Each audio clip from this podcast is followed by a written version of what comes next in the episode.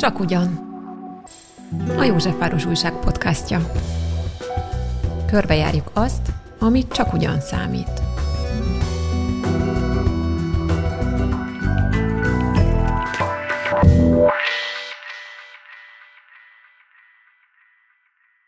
Üdvözlöm a hallgatókat, Bendülvere vagyok. Mai vendégünk Fiala Borcsa, író, újságíró és a VMN jelenlegi főszerkesztője, és nagy-nagy gasztroblogger. Hello, Borcsa! Szia Vera, és sziasztok!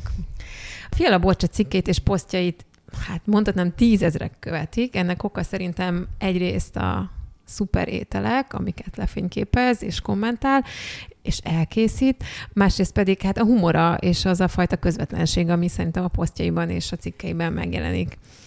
Legújabb könyve a Bakonyi zsiványok, mint most megtudtam, de nagyon-nagyon nemrég jelent meg a Lepkebáb is, amelyik elnyerte a Nőklapja Irodalmi Díjat 2023-ban. Korábbi könyveik közül pedig sokszor gyerekeknek, kamaszoknak és felnőtteknek is. Ezek között található a Balatoni nyomozás, bűntény a Dunán, ugye uh-huh, ezt jól mondom? Így van. Az említett lepkebáb, felnőtt könyvek között pedig a drill, a vele tűrök, vele szenvedek, és még sok másik. Egy elég impozáns lista, most mondta meg Borcsa, hogy pontosan 11 könyvet írt az utóbbi években, ami azért is különleges, mert ez kevesebb, mint tíz év alatt készült, nem? Sőt, sokkal kevesebb, mint tíz év hiszem, alatt. hogy kilenc. Kilenc év alatt, 11 könyv, az igen, évi átlagban több, mint egy könyv, és én úgy tudom, hogy ez egy karrierváltás következménye. Azt olvastam róla, hogy a 30-as éveid végén ott hagytad a tanítást, és az újságírást kezdted el, meg az írást. Jó nagy váltásnak tűnik, és ez engem nagyon érdekel. Hogy csináltad ezt a 11 könyvet, és mit gondolsz erről a nagy döntésről? Ez igazából évi egy könyv átlagban, mert van benne egy kis csalás tulajdonképpen.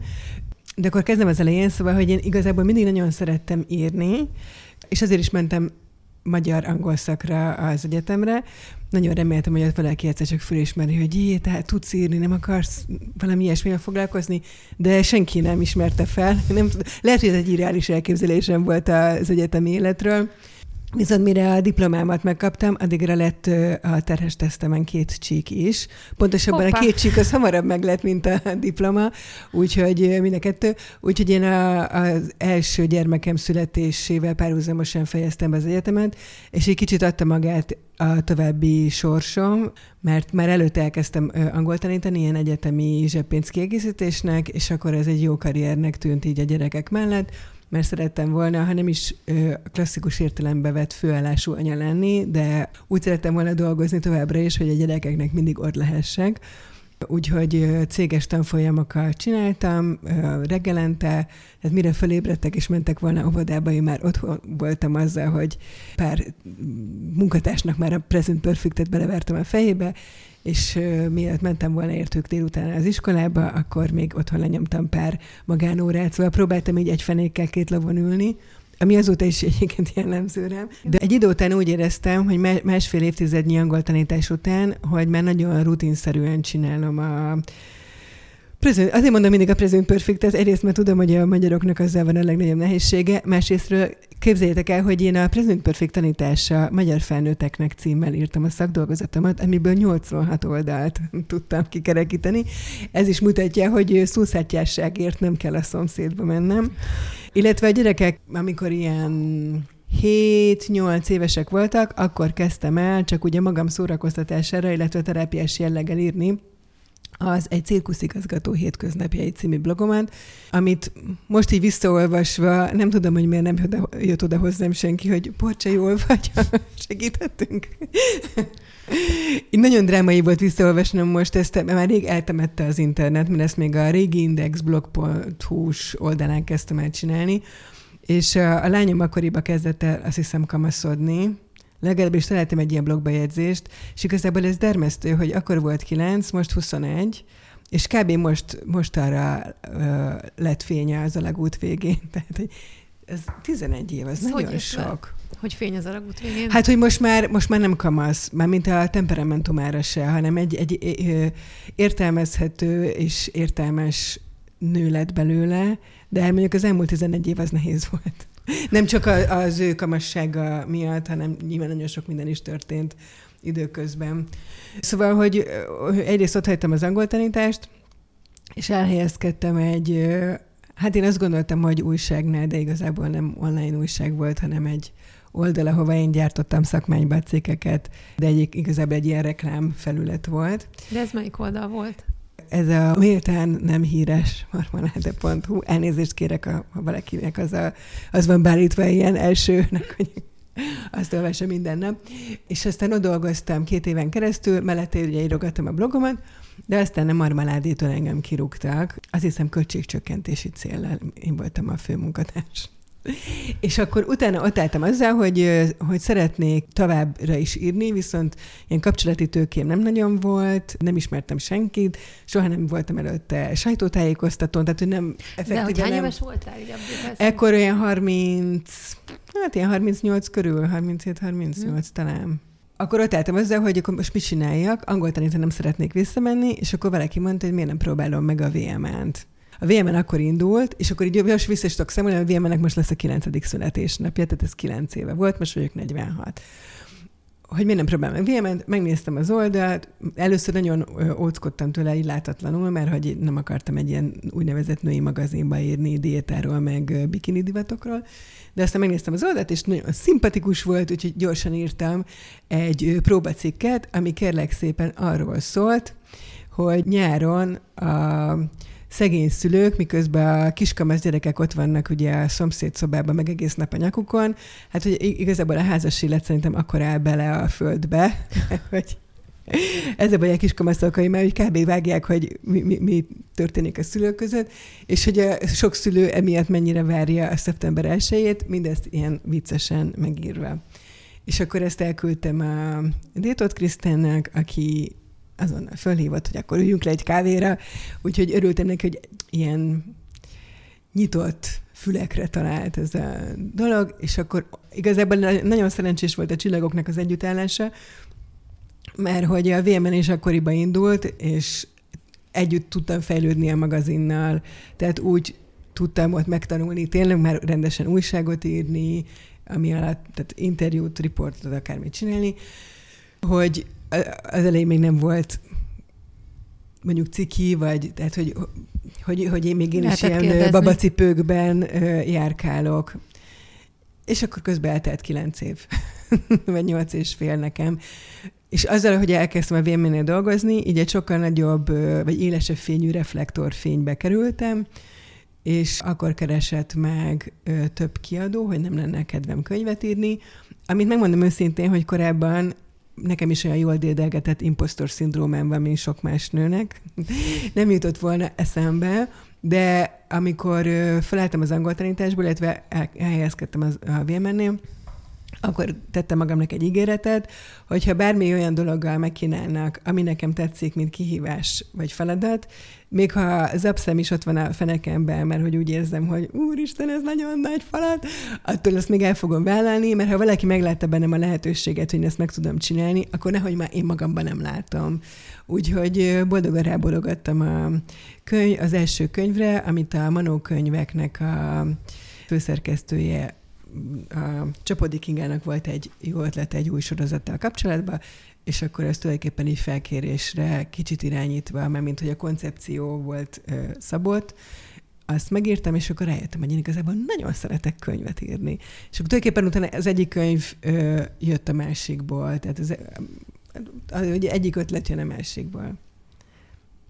Nem tudom, mi volt a kérdés, de szerintem válaszolt. Igen, az, hogy hogyan történt ez a váltás, és hogy gondolsz vissza rá, hogy van-e, van-e ezzel kapcsolatban bármiféle érzésed? Ez a, most kicsit nem akarok ebbe beleerőltetni, ez a de jó, hogy megtetted, vagy hogy, vagy hogy mit tett veled ez a, ez a váltás, ez azért ez egy... Abszolút jó, hogy megtettem. Ö, és azon persze lehetett volna merész hamarabb, de hogy hamarabb nem, a vm még nem született meg, illetve az én otthoni lehetőségeim se olyanok voltak. Tehát, hogy az, hogy én úgy döntöttem, hogy, hogy kvázi főállású anyuka leszek, az nem csak azért volt, mert annyira imádok játszótéren tölteni éveket, meg tényleg nem tudok másról beszélni, mint a bilisztetésről, és kizárólag többes szám első személybe beszélek állandóan a gyerekemről, hanem mert nem is nagyon volt más lehetőségem, tehát a, a volt férjem, ő a, a munkájából kifolyólag ezért nem nagyon volt otthon, tehát így, így effektíve hétköznapokban nem lehetett rá számítani. Anyukám akkor még a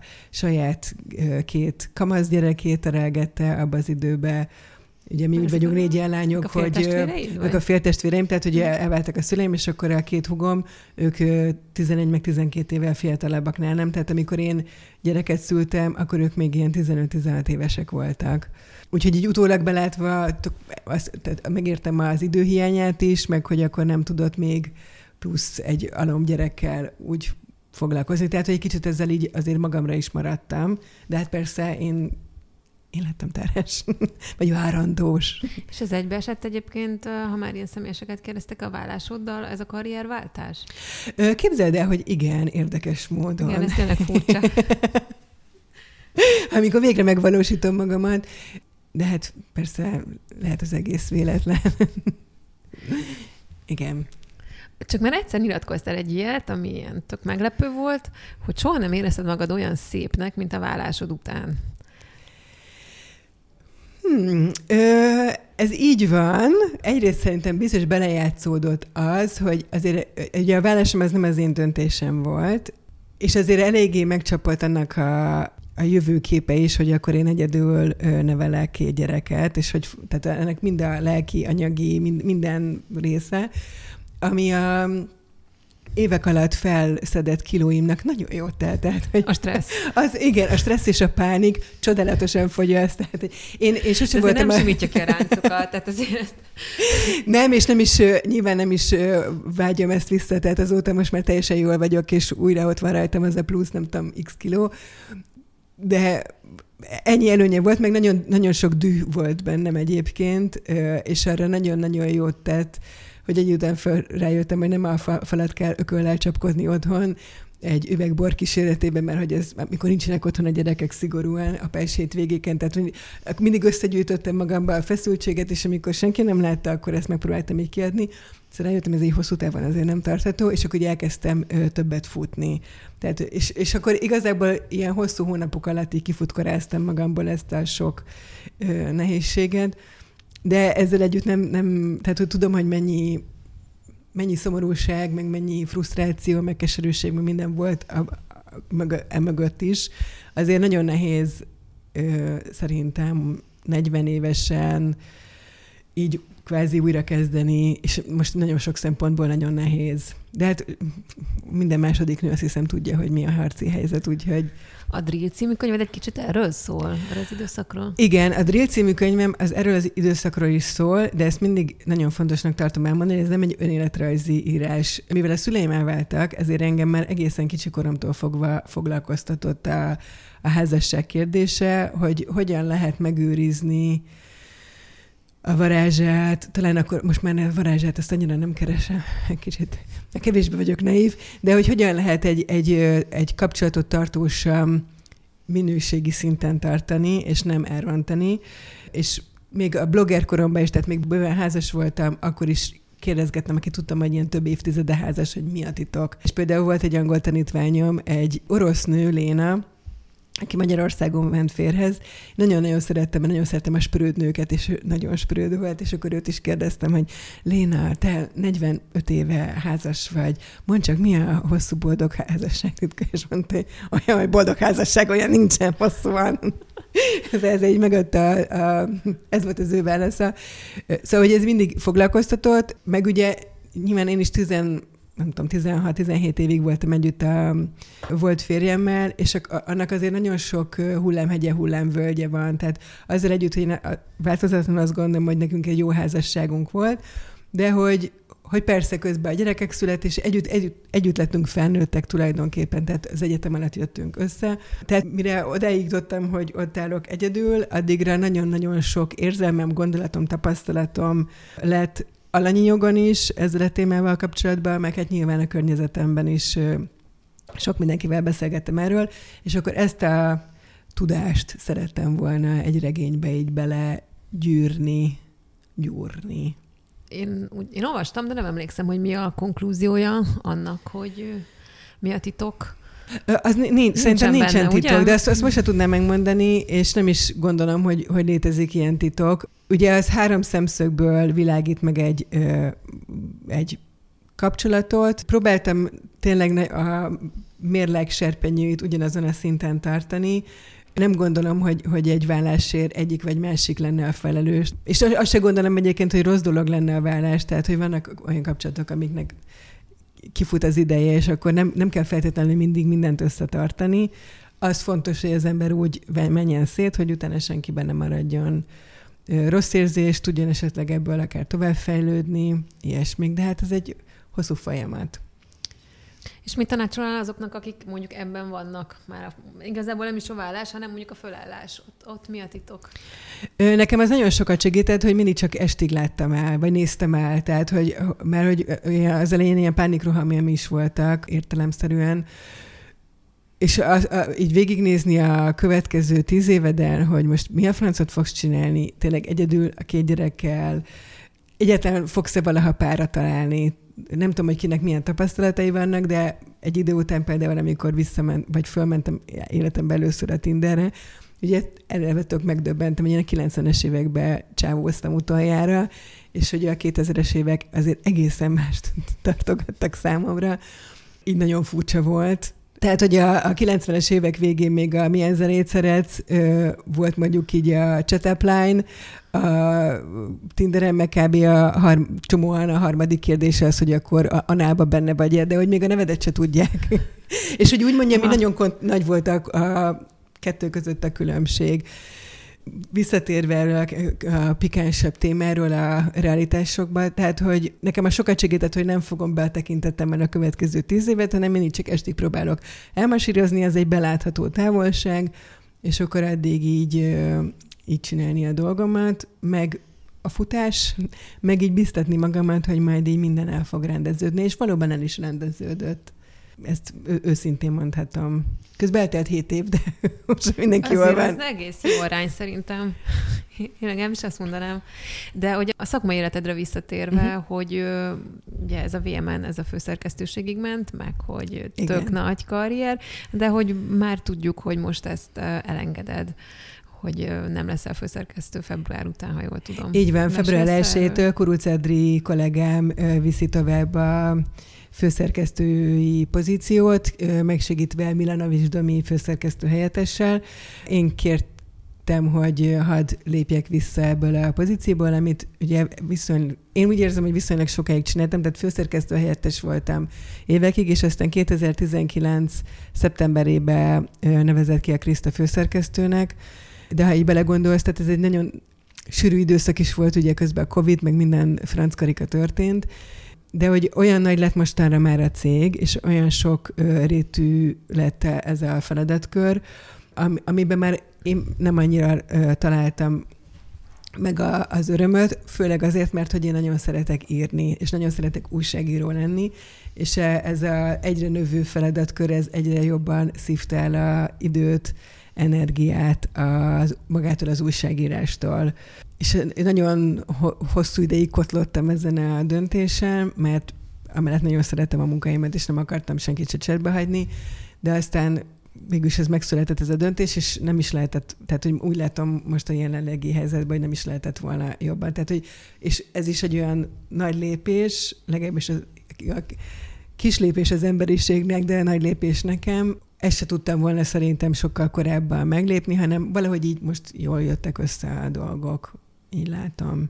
Úgyhogy most örömmel vetem bele magamat még jobban az újságírói feladatokba, amiket eddig is csináltam, csak ugye már akkor inkább hajnalba írogattam, meg, meg hétvégén, meg próbáltam így el, ellopni ilyen fél egy órákat újságírni, ami nem jó. Tehát, hogy nem tudom te, hogy dolgozol, de hogy kell az elmélyült Nekem szükségem van arra, hogy legalább két óráig akkor az se e-mail, se telefonnál, se semmivel ne bizgassanak.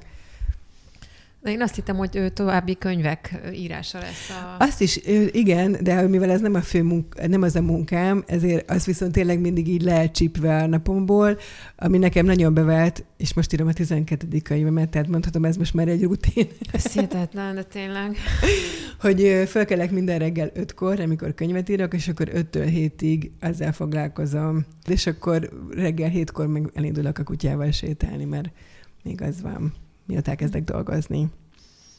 Ami benned szerintem ilyen nagyon megkapó, vagy ami még a, a, a szövegeiden is átjön, de életben még inkább, ez a nagyon erős életvidámságod, meg életigenlésed, ami, ami benned... Ezt nagyon örülök, hogy, hogy ezt mondod. Egyrészt, mert, mert valóban ilyennek látom én is magamat belülről, és képzeld hogy múlt héten voltam egy könyvklubba, ahol én voltam a kötelező olvasmány.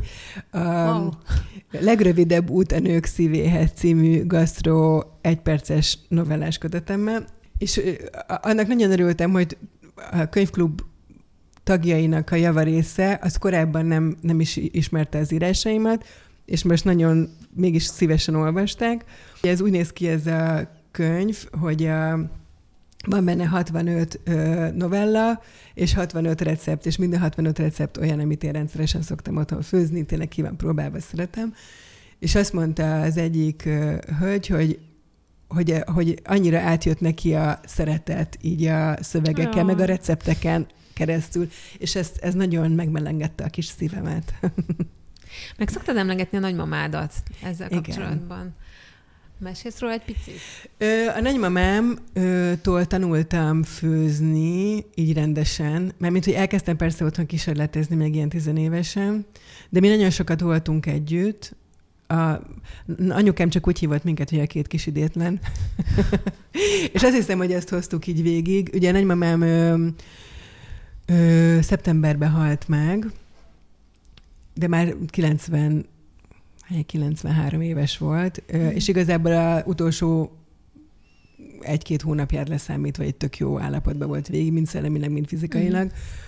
Könyvtárosként dolgozott, és mivel valószínűleg a könyvek szeretete is tőle ered, meg bár ő azt állította magáról, hogy nem szeret főzni, de nagyon-nagyon jól főzött. A, nagyon, ezek, ezeket a klasszik nagymama dolgokat csinálta, kakaós kalács, karfiolleves, meg ilyesmi, de nagyon sok gyerekkori emlékem, meg felnőttkori is kötődik hozzá, úgyhogy azt hiszem, hogy a, például a balatoni nyomozás, ami ebből a kalandos sorozatban az egyik legnépszerűbb, az nem is tudott volna így ilyen formában megszületni, ha nincs ő, mert ugye a Töpszli néni karaktere az, az egy picikét olyan, mint a nagymamám volt, meg egy picikét olyan, amilyen, majd, amilyen nagymama majd én szeretnék lenni. Ez persze nem nyomás a gyerekeimre. Ennek kapcsán jutott eszembe még az, hogy te mostanában, mint hogyha foglalkoznál a, az öregedéssel, az idő múlásával, vagy legalábbis ha jól látom, cikkeket írsz róla, meg a szövegeidben azért meg megjelenik. Viszont ahogy te ezzel foglalkozol, egy picit más, mint a mainstream, mert hogy nagyon keveset foglalkozol ezzel a hogyan maradjunk fiatalosak dologgal, tehát ez így nem... Hú, ez a fiatalos szó, ez egy olyan becsapós dolog, amikor elkezdtem tanítani gimnáziumban, még én gyakorló tanításként, akkor voltam 23 éves. 23 éves. Nem, igen. Nagyon durva. É, és alig voltam pár évvel idősebb a diákérnél, de persze az az öt év az nyilván sokat számít ebbe a korba. És amíg ott tanítottam, a hosszú hajamat egyik nap levágattam rövidre. És mentem be másnap a suliba, és jöttek ezek a 17 éves diákjaim, és jöttek, hogy tanárnő, milyen fiatalosan néz ki. Szóval persze, az ember fiatalos, minden mihez képest. Nem vagyok hiú egyáltalán, tehát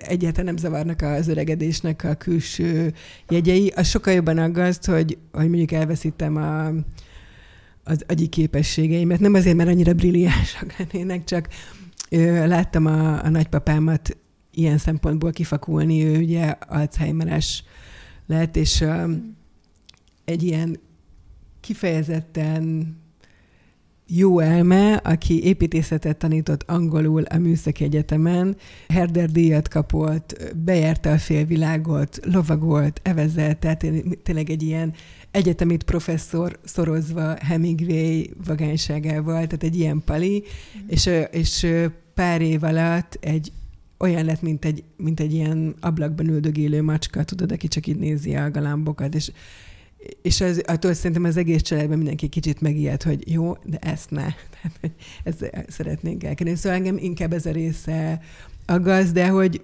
persze most 46 éves vagyok, és hogyha olvasom az újságban, hogy 52 éves nő szökött meg a kórházból, most az voltam a reggeli hír, akkor ez nekem nagyon távol tűnik magamtól, sokkal távolabb azt hiszem így belülről, mint kívülről.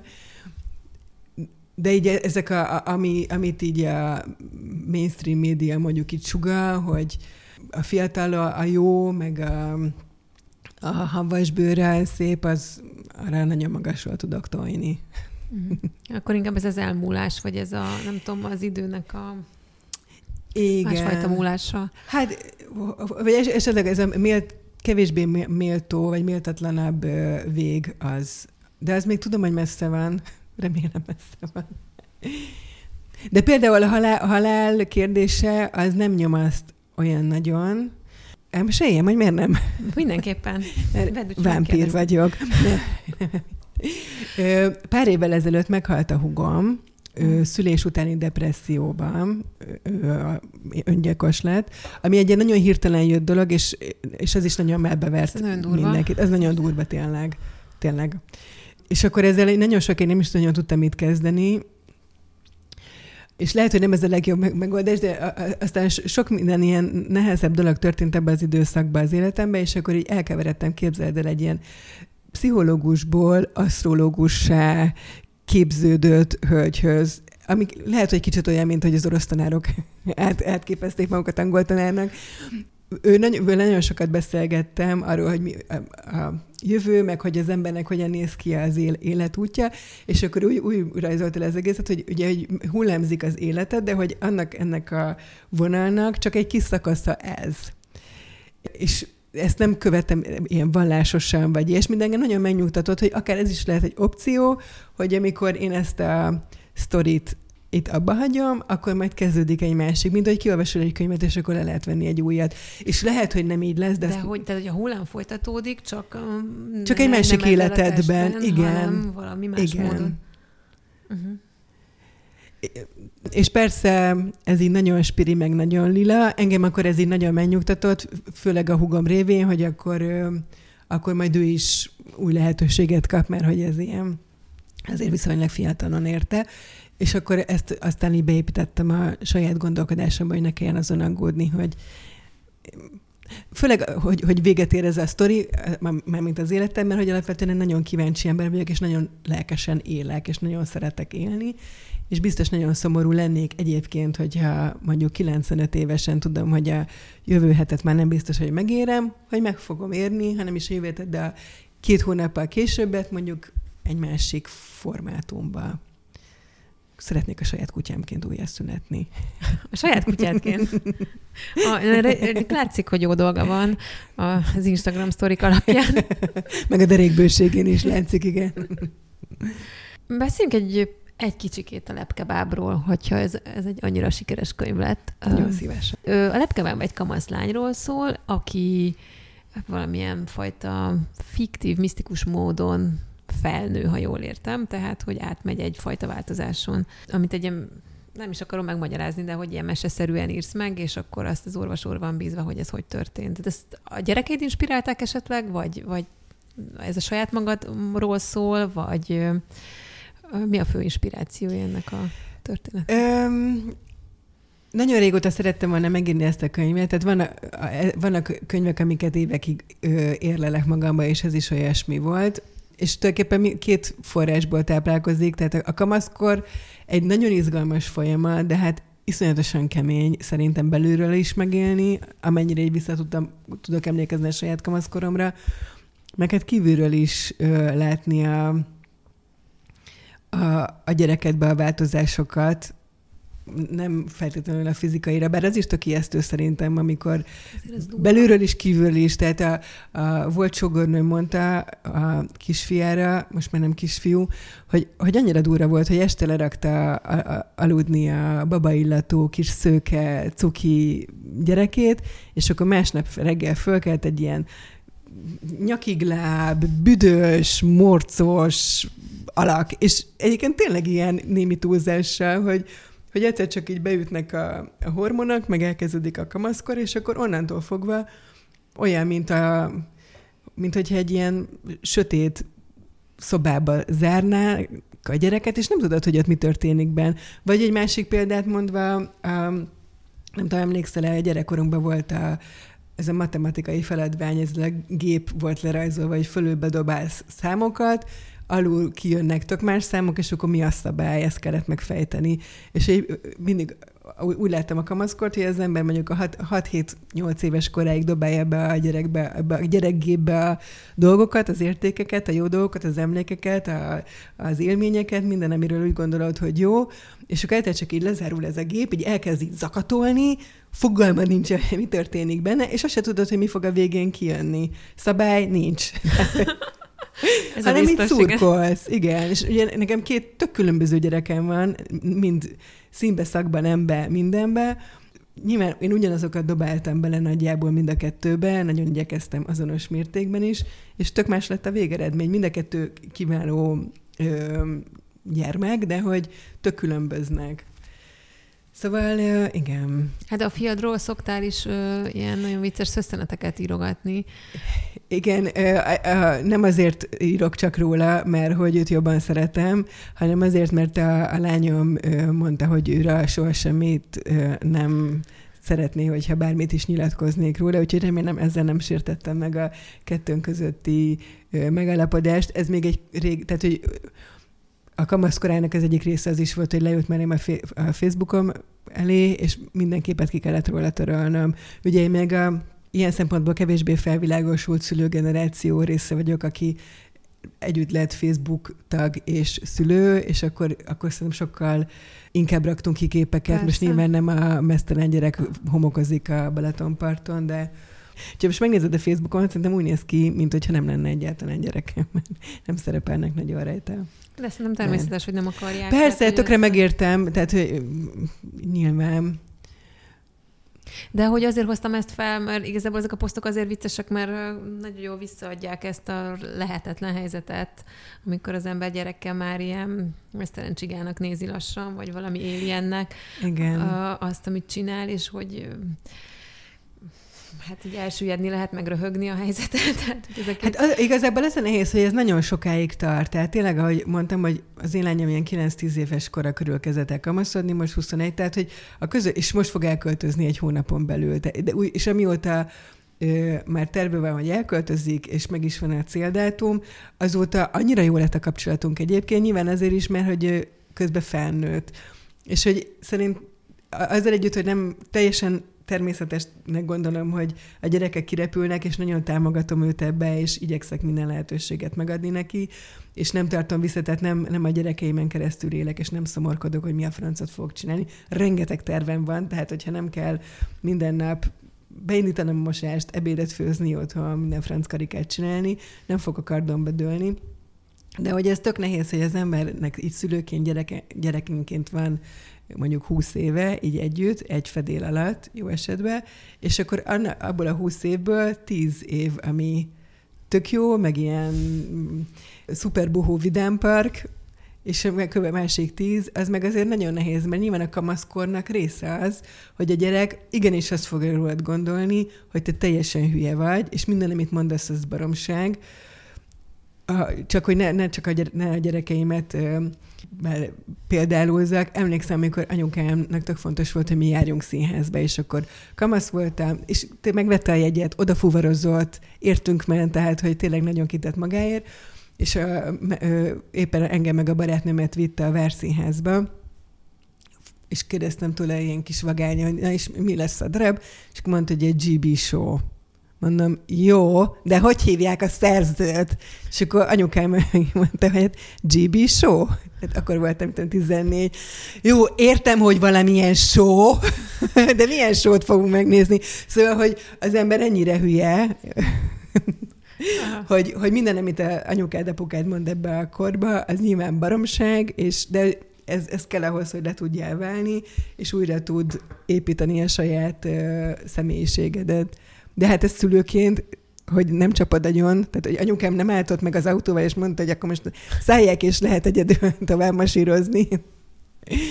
Ezért így utólag le a kalappal. Nem. De... Most már GB Show-ba kiműveltem magamat, szeretnék szólni. De vissza a lepkebábhoz még csak egy pillanatra. Milyen fogadtatása lett? Azon túl, hogy megnyerte a díjat, milyen visszajelzéseket kaptál?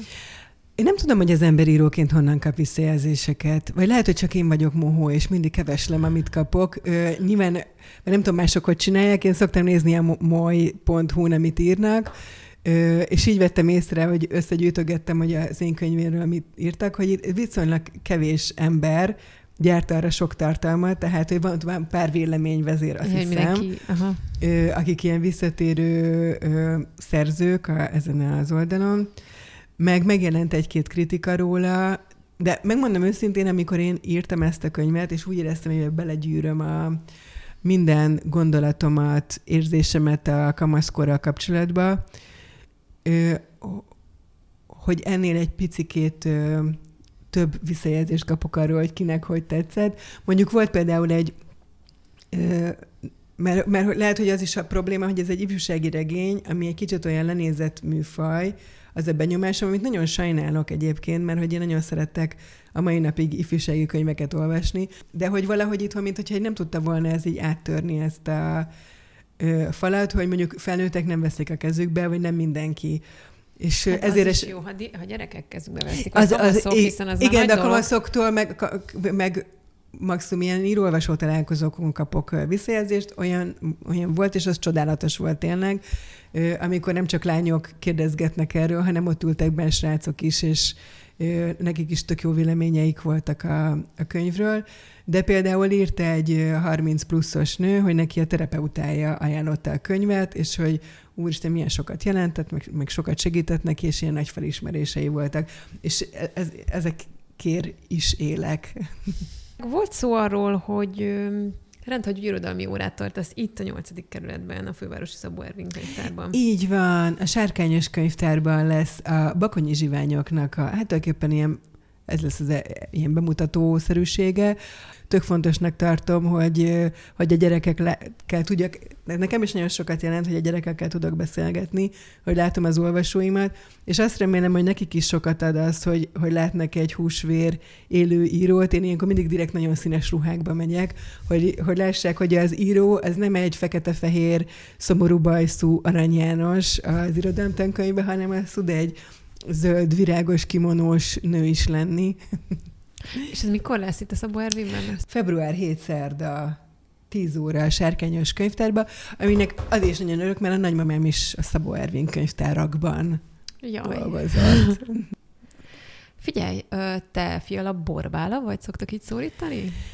Én Fiala Eszter Borbála vagyok, képzeld el. De azért Örülök, lettem hogy Eszter. derült. azért lettem Eszter, sose használtam, mert anyukám úgy gondolta, mikor megszülettem, hogy ez hülye hangzik, hogy fiala, borbála. Úgyhogy ezért lettem Fiala Eszter Borbála, de mindig ő Borcsának hívtak otthon, kivéve, hogy anyukám érges lett rám, mert akkor elkiabálta magát, hogy Borbála! Úgyhogy ettől nekem kicsit ilyen Pavlovi reflexekkel azonnal így vigyázbálok, és föláll a szőr a hátamon. Úgyhogy amikor elkezdtem ö, újságírni, akkor tudatosan ebbe a Fiala Borcsa irányba mentem el Amiből persze voltak vicces dolgok is, mert volt olyan, hogy sajtóúton Fiala Borcsa névre vásárolták nekem a repülőjegyet, és akkor kellett szólni, hogy akkor kérnék még Zami. egyet, mert hogy ez nem a nevem.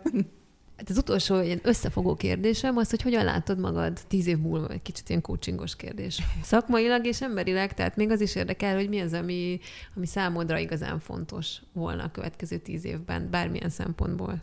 A könyvet mindenképpen nagyon szeretnék írni, és azt hiszem, hogy újságot, és nekem azért a kettő eléggé összefügg, tehát egy csomó dolgot így könyvírás közben kutatgatok ki, Úgyhogy azt remélem, hogy azért tíz év múlva kb. az az életem lesz, mint most, talán egy kicsit kevesebb ilyen szerkesztőségi megkötöttséggel. De hát olyan gyorsan eltelnek ezek a tíz évek, nem? Igen, ezért... A tíz évek, meg a tíz kilók. ezek Jönnek, mennek, igen. De tíz év múlva ugye már nagyon remélem, hogy a gyerekek például nem fognak velem lakni, hogyha lehet ilyen magánéletileg is ezt átgondolni. Sőt, nagyon remélem, rá. hogy nem fognak, mert ugye 21 meg 19 évesek, tehát hogy addigra már tessék szépen kirepülni mindenkinek. Úgyhogy nagyon izgatottan várom igazság szerint ezt az időszakomat is, amikor tényleg tudok csak a munkának, meg a, meg a hobbiaimnek szentelni magamat, mert hogy például én so, soha nem éltem egyedül, soha nem volt olyan életem, hogy ne kelljen még néhány másik emberről gondoskodni. Úgyhogy a tíz év múlva remélem, hogy egy ilyen kollégist, egy öreg kollégista életét élhetem, zacskós levest fogok enni az ágyban. Nem tudom elképzelni, ne haragudj. És uh, irkálok mindenfélét. Oké. Okay. Köszönöm szépen nagyon, hogy eljöttél hozzánk, Borcsa. Nagyon szépen köszönöm a meghívást. És köszönjük hallgatóinknak a figyelmet, és várjuk Önöket máskor is. Viszont hallásra. Ez volt a Csak Ugyan. Iratkozzanak fel csatornáinkra, és hallgassanak minket YouTube-on, Apple Podcast-on, Google Podcast-on, Spotify-on, metrón, villamoson, fürdőszobában, konyhában, és egyáltalán mindenhol.